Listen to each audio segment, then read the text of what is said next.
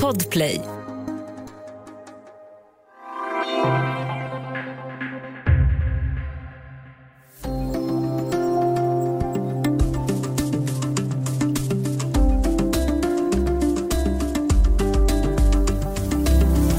När talibanerna tog makten i Afghanistan steg oron snabbt över vad som skulle hända med kvinnorna.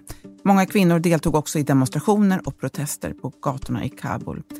Att talibanerna motsätter sig utbildning för flickor och kvinnor det är väl känt. Men som makthavare är talibanerna också politiker. Och under hot om indragna internationella bistånd sa nu ledande talibaner att de hade ändrat sig och blivit lite mer moderna. Många var skeptiska till att de menade allvar. Så hur blev det? Välkommen till Studio DN. Jag heter Sanna Thorén Björling.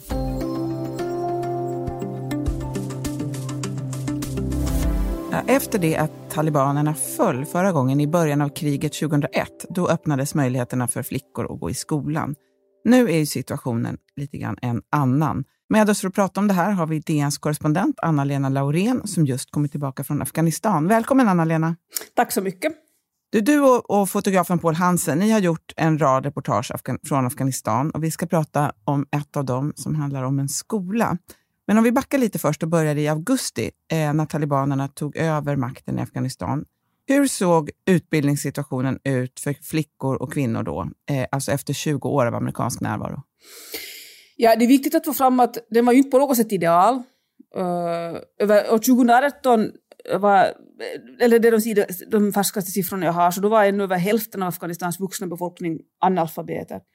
Och, och det här, och en stor del, år 2020 så gick fortfarande 3,7 miljoner barn gick inte i skolan för, för ett år sedan.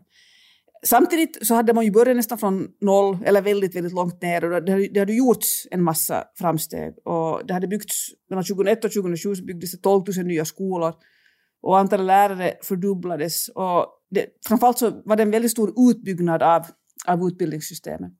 Men, men det var också stora problem eftersom talibanerna gjorde ju ständiga terrordåd mot flickskolor det var många föräldrar som inte vågade låta sina flickor gå i skolan av säkerhetsskäl. Mm. Så det var inte på något sätt idealt. Men sen när talibanerna kom till makten så var, var det ju en enorm oro att nu kommer de att förstöra allt. Mm. Och talibanerna hade ju en ganska de har, tycker jag hela tiden haft en ganska inkonsekvent äh, politik. Att de säger en sak och sen ändrar de sig. Och det, det, det, det, har ju dels mycket att göra med att det inte är en enhetlig rörelse, alltså där det finns väldigt många olika fraktioner inom mm. talibanerna. Vi, vi ska återkomma till det här hur, hur de fungerar, men om man ser då vad som hände under hösten så var det ju väldigt eh, oroligt i augusti-september. Men nu är ju Afghanistan på det hela taget mycket säkrare än, än vid det, mm, när talibanerna just tog över. Men om man ser då, du säger att det har varit lite rörigt, men vilka beslut har man fattat eh, centralt då om, eh, om hur man ser på, på utbildning för tjejer? No, de senaste besluten är att först stängde man ner alla flickskolor. Sen tillät man flickskolor mellan klass 1 till 6. Och, och, nu har man då sagt att man kommer att tillåta mellan klass 7 till 12 också. Men, men det är liksom väldigt oklart hur det ska se ut i praktiken. Och det är väldigt tydligt att det är väldigt beroende av lokala beslutsfattare och lokala talibanledare, hur man gör i praktiken. Mm. Sen när det gäller universitetsstudier så, så var det ju ett väldigt hårt tryck på talibanerna från början internationellt, för alla visste att, att de förbjöd kvinnor att, att studera på universitet när de sist var vid makten. Och nu har de sagt att det ska tillåtas, men det ska ske enligt sharia, alltså islamsk lag. Det ska vara segregerad undervisning och helst ska de kvinnliga studenterna ha kvinnliga lärare. Om det bara finns manliga så får de också ha manliga lärare, men allting ska ske då enligt regler. Och det som det här i praktiken betyder är ju att det är i praktiken det pågår nästan ingen undervisning, eller universitetsundervisning för kvinnor i Afghanistan nu. Och det här ser jag nu väl medveten om att det kan, det kan finnas enskilda undantag. Det, för Afghanistan är ett väldigt stort land och det är stora regionala skillnader.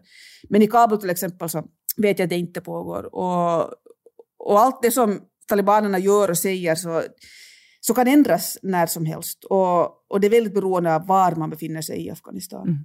Ja, du är inne det på att det är en sak vad, vad ledarna i Kabul säger och en annan sak vad som händer ute i de olika provinserna. Det skiljer sig väldigt mycket för också, det är så många olika, flera etniska grupper och det är ett väldigt eh, geografiskt och stort land. Eh, du och Paul, eh, ni mötte ju exempel på det här, att det inte är så självklart att nationella beslut eh, implementeras eh, lokalt. Eh, var var ni någonstans? Ja, vi var alltså i Jalris-området som ligger ett 50–60-tal kilometer väster om Kabul. Och eh, där, alltså, ja, man kan inte säga att de inte skulle ha följt centrala beslut. Egentligen följer de centrala beslut för talibanerna har ju sagt att de, kan, att de har inte förbjudit skolundervisning för flickor mellan 7 och 12 klassen. Men i praktiken har man liksom bara helt enkelt varit hemskt otydlig och oklar på den punkten. Men på den här skolan i, i Jalris i Sanglak, i en dale, uh, i en by som heter Guardambolla, så, så har alltså en, flick, en flickskola med 450 elever som har byggts och finansieras fortfarande av Svenska Afghanistankommittén. Den har varit öppen hela tiden och, och har fungerat hela tiden. Och inte, de, de har stängt under, under coronapandemin när det kom restriktioner, men, men sen har de öppnat igen och de har inte hållit stängt en enda dag under talibanerna. Wow. Och det var alltså ett väldigt fascinerande möte därför att den här skolan ligger högst upp i byn. Alltså man måste gå ovanför alla andra hus för att komma till den här flickskolan. Och, och, det är helt klart att den byggdes så med avsikt för att den ska vara lite isolerad. Så det ska inte, eftersom flickorna där ska det helst inte vara en skola där, man, där en massa människor passerar utan de är liksom lite skilt från allting annat. Och den är omgärdad av en mur och, och det här, det var väldigt roligt när vi gick upp dit för jag glömde ju bort att vi befann oss på över 2000 meters höjd. Så jag gick i min vanliga takt upp för den här ganska branta backen och, och efter fem, 20 meter så började jag flåsa som en blåspel. Alltså och då vet man att då går du ganska snabbt? Jo, det gör jag. Men de här flickorna, det liksom bara travade upp som stenjättar. Det var väldigt lätt för dem. Och det var på något sätt var det för mig en sån här jag blev så glad när jag såg det. Dels det här att de går i skolan men också att det är lätt för dem att gå vilket betyder att de har, de har liksom jobbat upp en kondition. De har gått den här vägen varje dag. För jag tycker en stor del av jämställdheten eller flickors sätt, flickors sätt att växa upp är ju också rätten till fysisk motion som, som inte alls är självklar när det gäller talibanerna. Så det här var på många plan på något sätt en otroligt positiv upplevelse. Så vilka är det, berätta lite mer om den här skolan. Vilka är det, eh, vad, är det, vad är det för flickor som går här? 450 elever? Det är ganska mycket ändå. Det, ja, det är från flera omgivande byar och det är liksom elever från... Jag, jag kan inte se alla samhällsklasser, det, det, det, kan inte jag uttala mig om för att jag, jag kunde inte liksom gå igenom alla elever medan jag var där. Men, men det är alltså en, en, vad jag kunde se, välfungerande skola. Det vill säga, och eleverna jag talade med var väldigt hängivna och älskade sin skola. Sen när det gäller lärarna, och det här tror jag är något som gäller hela, eller det är något som gäller hela Afghanistan. Det, jag tror inte att den här lärarutbildningen är hemskt hög. Alltså de här lärarna jag talade med var ju alla väldigt unga, kanske 20-21. Och de hade inte studerat, Eh, eller de har definitivt inte en lärarutbildning på universitet som vi betraktar en lärarutbildning. Men, men det var väldigt tydligt och klart att de, att de tyckte om sitt jobb och att de liksom hade en relation till eleverna och att, och att, det, finns en, att det här är en väldigt fungerande skola. Vi ska ta en kort paus och så ska vi prata mer om vad vi kan vänta oss framöver.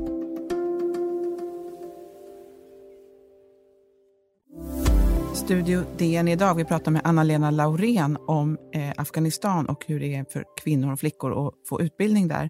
Eh, Häromveckan så antog talibanerna ett slags dekret om kvinnors rättigheter där det står bland annat att kvinnor inte är några ägodelar, men de kan inte heller säga nej till exempel till ett äktenskap. Eh, vad vet vi om, om vad man har sagt nu om, om utbildningen? Du var inne på det, att man ska inte förbjuda den, men samtidigt så vet vi att det dras åt eh, överallt. Vad, vad tror du man kan vänta sig? Det är ju väldigt tydligt att talibanerna äh, de är inte liksom immuna på något sätt mot internationella påtryckningar. De behöver biståndet och de vet att flickors utbildning är ett väldigt viktigt villkor för biståndet. Och, och sen verkar det ju finnas en förståelse, åtminstone på vissa håll hos talibanerna, att, för att, att det, är verkligen, det, det är till hela samhällets gagn att kvinnor utbildar sig. Plus att det finns också en massa personer inom talibanerna som egentligen inte, de är inte på det sättet övertygade islamister, utan de är, de är kanske mer personer som liksom vill bygga upp Afghanistan och anser att det via talibanerna går det bäst.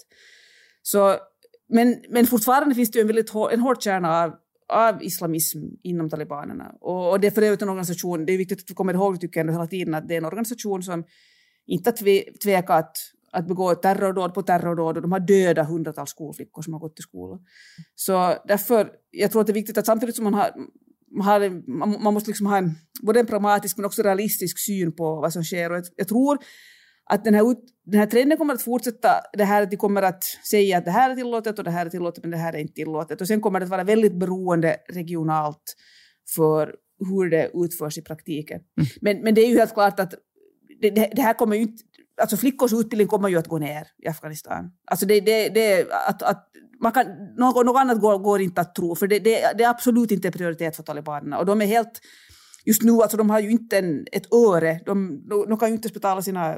Lärare har inte fått lön på fem månader, läkare får inte lön, inga statsanställda får löner. Och att de i den här liksom ganska desperata situationen skulle börja prioritera utbildning och ens flickors utbildning, så det, det finns inte på kartan. Det känns som att det handlar eh, om just om biståndsfrågan väldigt mycket. Men det är ju väldigt spännande det där med de här lokala relationerna och överenskommelserna som görs, att de bygger som jag förstår på det som du har skrivit och det som man eh, också hör företrädare för Svenska Afghanistankommittén berätta om, att man bygger på något sätt rela lokala relationer mellan då lärare eller skolpersonal och lokala talibanledare. Hur, hur såg det ut där, där ni var? Ja, alltså, att det som eh, jag tror är ganska avgörande är att, att det, om det hade funnits relationer från början eller inte. Alltså där vi var då i, i Jalris-distriktet, i Salakdalen. Så där har talibanerna varit starka hela tiden. Och, de har liksom varit närvarande, närvarande i samhället hela tiden. Och den här läraren, rektorn för skolan som jag intervjuade, sa att han har alltid känt talibanledarna. Och han kunde, när talibanerna tog över så kunde han direkt vara i kontakt och, och, och, diskutera sin skola och, och, lägga fram sin sak. Och han sa att det var inte något problem, att det var helt självklart för dem att, att skolan skulle få fortsätta. Och, och i det här distriktet var också intressant så berättades det för mig i varje fall att den före detta utbildningsdirektören sitter nu sida vid sida med den nya utbildningsdirektören som är taliban. Och det finns alltså exempel, regionala exempel i Afghanistan på väldigt pragmatiskt samarbete mellan de forna och de nuvarande makthavarna. Men sen finns det också exempel på när, när före detta forna makthavare har blivit mördade, torterade eller, eller där de själva har gått under jorden. Så det, det här är absolut ingen regel. Ja, det avgörande är liksom nog väldigt mycket hur de här relationerna har varit tidigare. Mm att, att det här med att man nu ska börja bygga relationer, så det kommer att ta mycket längre tid tror jag. Nej, just det, att den bygger på någonting som att det är människor som ändå känner varandra. Jag tycker det är spännande. Jag minns från en reportageresa som jag gjorde i Ungern för några år sedan. Då fanns det en högerextrem lokal kommunal kommunpamp där i någon, en liten ehm, en håla utanför, en bit utanför Budapest. Han började engagera sig i den, i den lokala skolan och där hade de romska barnen där varit diskriminerade. De hade blivit placerade i liksom sär, i särundervisning och så. Men i takt med att han lärde känna de här barnen så minskade också diskrimineringen. Och sen behövdes det inga särklasser, för sen hade han fattat att de här romska barnen var inget fel på dem. Och eh, han såg till att det var rent och prydligt där. Och, och, Det byggde helt och hållet på att han kände de här människorna. Och, och, nationellt så stod han för en politik som var en helt annan. Men då är ju också frågan, hur stort svängrum tror du? Du är ju inne lite grann på det i ditt reportage. Hur, hur stort svängrum har de här talibanerna lokalt? Det finns väl exempel också på att, att man kan bli utbytt om man eh, inte eh, lyder. Mm. Det är ju jättesvårt att säga, för alla sådana här i alla sådana situationer så har det väldigt mycket att göra med den här personliga auktoriteten. Och den är ju väldigt olika från, från liksom region till region. Men jag skulle säga att svängrum, svängrummet i det stora verkar vara, hittills har det verkat vara ganska stort. Alltså, och det är också väldigt typ, tydligt att, att de här instruktionerna som kommer från Kabul, alltså från talibanregeringen i Kabul, så är ju på något sätt så ofta ganska otydliga, att det ger ju också utrymme att, att tolka lite hur man vill. Mm. Så jag skulle säga att det, här, det är stort just nu i varje fall. Mm. Och de här eh, eleverna som ni pratade med, vad berättade de om, om vad skolan betyder för dem? Hur gamla var de? De var mellan, alltså de, det, det, det var från klass 1 till 12, mm. så de var mellan 20 och det här, vad det blir det, 15, 16. Uh, jag vill genast säga att jag talar ju med alla elever via tolk. Jag kan tyvärr inte dari eller pashtu. Och, och det gör ju att intervjuerna blir ju så här, de blir inte de blir inte djupa på samma sätt som de blir när man, talar, när man kan tala med eleven själv, alltså själv direkt på, på deras språk. Men, eh, men det var väldigt tydligt att de älskar sin skola och den här Benafshi Mohammadi som är huvudpersonen i vårt reportage, så hon, hon var liksom... Hon sa att hennes föräldrar tror på henne, att hon tror på sig själv och, och, att hon verkligen upplever att hon själv har förändrats av att gå i den här skolan, att hon har lärt sig en massa saker, att man förändras som människa när man lär sig saker. Och det är någonting som, som är svårt för oss att föreställa oss i ett samhälle där så många inte kan läsa och skriva. Alltså vad det kan betyda att få tillgång till, till allt det som man får tillgång till när man kan läsa och skriva.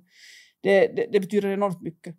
Och jag tror också att med tanke på att den här rektorn han var väldigt avslappnad, alltså det var inte på något sätt ett nervöst möte utan han, man kunde se att han var helt lugn i sin roll och han var inte rädd för att ta emot oss. Så så jag hoppas verkligen att, att den här skolan kommer att kunna fortsätta mm. som tidigare. Att, att den verkar liksom vara ganska, ha en, en, ganska trygg och stark position. Det är samtidigt viktigt att påpeka att det här är tyvärr inte en regel. Alltså den här skolan är på sätt och vis ett undantag. Mm. Den drivs ju då av Svenska Afghanistankommittén. Det är ju en väldigt stark aktör i Afghanistan som har varit där i flera decennier eh, och har eh, stark förankring i, i, i lokalsamhället. Vad tror du att det betyder för den här skolans möjligheter att, att fortsätta hålla öppet? Allt. Det betyder allt. För att lärarna får sina löner av SAK, skolmaterialet bekostas av SAK, alltså böcker och sånt här. Och i de flesta, de flesta skolor i Afghanistan, eller i alla, alla statligt anställda lärare i Afghanistan så har inte fått lön nu på fyra, fem månader. Och det är klart att det kommer att påverka i något skede. Och det här är också något som många sa till mig i Afghanistan, att, att det internationella biståndet att det är så otroligt viktigt därför att om, man inte, om det inte kommer igång nu så kommer det att leda till ännu mycket större problem eftersom landet från första början har varit så beroende av bistånd. Mm. Och Det är förstås omöjligt att veta vad som kommer att hända framåt här, men om du skulle få ge ett worst och ett best case scenario, vad, vad skulle du säga då? Ja, det, no, om vi tar det både med det bästa möjliga utfallet så, så det är ju inte bra det bästa möjliga utfallet, men det bästa möjliga skulle ju nog vara att, att talibanerna fortsätter den här hittills, med tanke på vilka de är så tycker jag ändå att deras skolpolitik hittills har varit ganska pragmatisk att man fortsätter tillåta, att man till, flickor, flickor tillåts gå skolan upp till tolfte klassen, och det ska, men då, att det då verkligen gäller alla flickor i Afghanistan och inte bara en ganska liten del som det är nu. Och att man verkligen ser till att de här universitetsstudierna som man då säger att man tillåter bara det segregerat, att man ser till att det verkligen fungerar också. För som det nu så det har ju inte hänt någonting. Alltså de säger att vi tillåter si och så, men det händer ingenting. Det vill säga att man gör, om, om talibanerna ens förverkligar de löften som de har gett, och de här löftena är verkligen inte i samklang tycker jag med, med någon verklig jämställdhet eftersom flickor hela tiden ska behandlas annorlunda, men skulle de ens förverkliga de löftena så det är faktiskt det bästa möjliga scenariot just nu. Men det sämsta möjliga är ju att att, att man inte gör det, att det fortsätter som, lite som det tyvärr, jag är inte så säker på att de kommer att, de, de har inga resurser just nu att förverkliga sina löften lärarna har inga löner, uh, hur ska universiteten, det finns inte pengar att värma upp lokalerna. Och fortfarande så biståndet har ju, en stor del av biståndet fortfarande strypt. Och det värsta möjliga är ju att talibanerna, om talibanerna fortsätter en, en väldigt konservativ politik och bistånd, det kommer inget bistånd, så då kommer de här flickorna inte att kunna gå i skolan helt enkelt. Vad tror du, vad, vad tror du är realistiskt? Vad, vad ligger närmast? Vad man kan... Nu tror någonting mittemellan, nu tror jag väl, alltså det, det pågår hela tiden förhandlingar mellan talibanerna och väst och talibanerna och USA förhandlar. Jag tror att det finns en viss förståelse för att, att, att ska man rädda det afghanska folket så är man, tyvärr, man är tyvärr tvungen att ge talibanerna pengar. Att det skaka hand med djävulen, det, det är ju bara så. Mm. Men, så men, men det som ändå gör mig jätteorolig är att även om biståndet börjar strömma in igen så det finns ju ingen yrkeskunskap inom Taliban. Det finns inga kadrer, inga tjänstemän som kan det här och de, och de hindrar ju ofta till exempel kvinnliga tjänstemän som kan det för att, att jobba. Att det kan sen tyvärr leda till en flaskhals, att det finns bistånd men det kommer inte fram till människorna. Och det kan leda till, alltså inte bara att skolan inte fungerar utan svält. Och svälten är ju redan ett faktum i Afghanistan. Mm. Ja, vi får fortsätta följa detta. Stort tack för att du var med idag, Anna-Lena. Tack. Om du vill nå oss så går det bra att mejla till studiodn Glöm inte heller att prenumerera på Studio DN där poddar finns. Studio DN görs för Podplay av producent Palmira och Åkare Menga, ljudtekniker Patrik Miesenberger och teknik Oliver Bergman, Bauer Media. Jag heter Sanna Thorén Björling.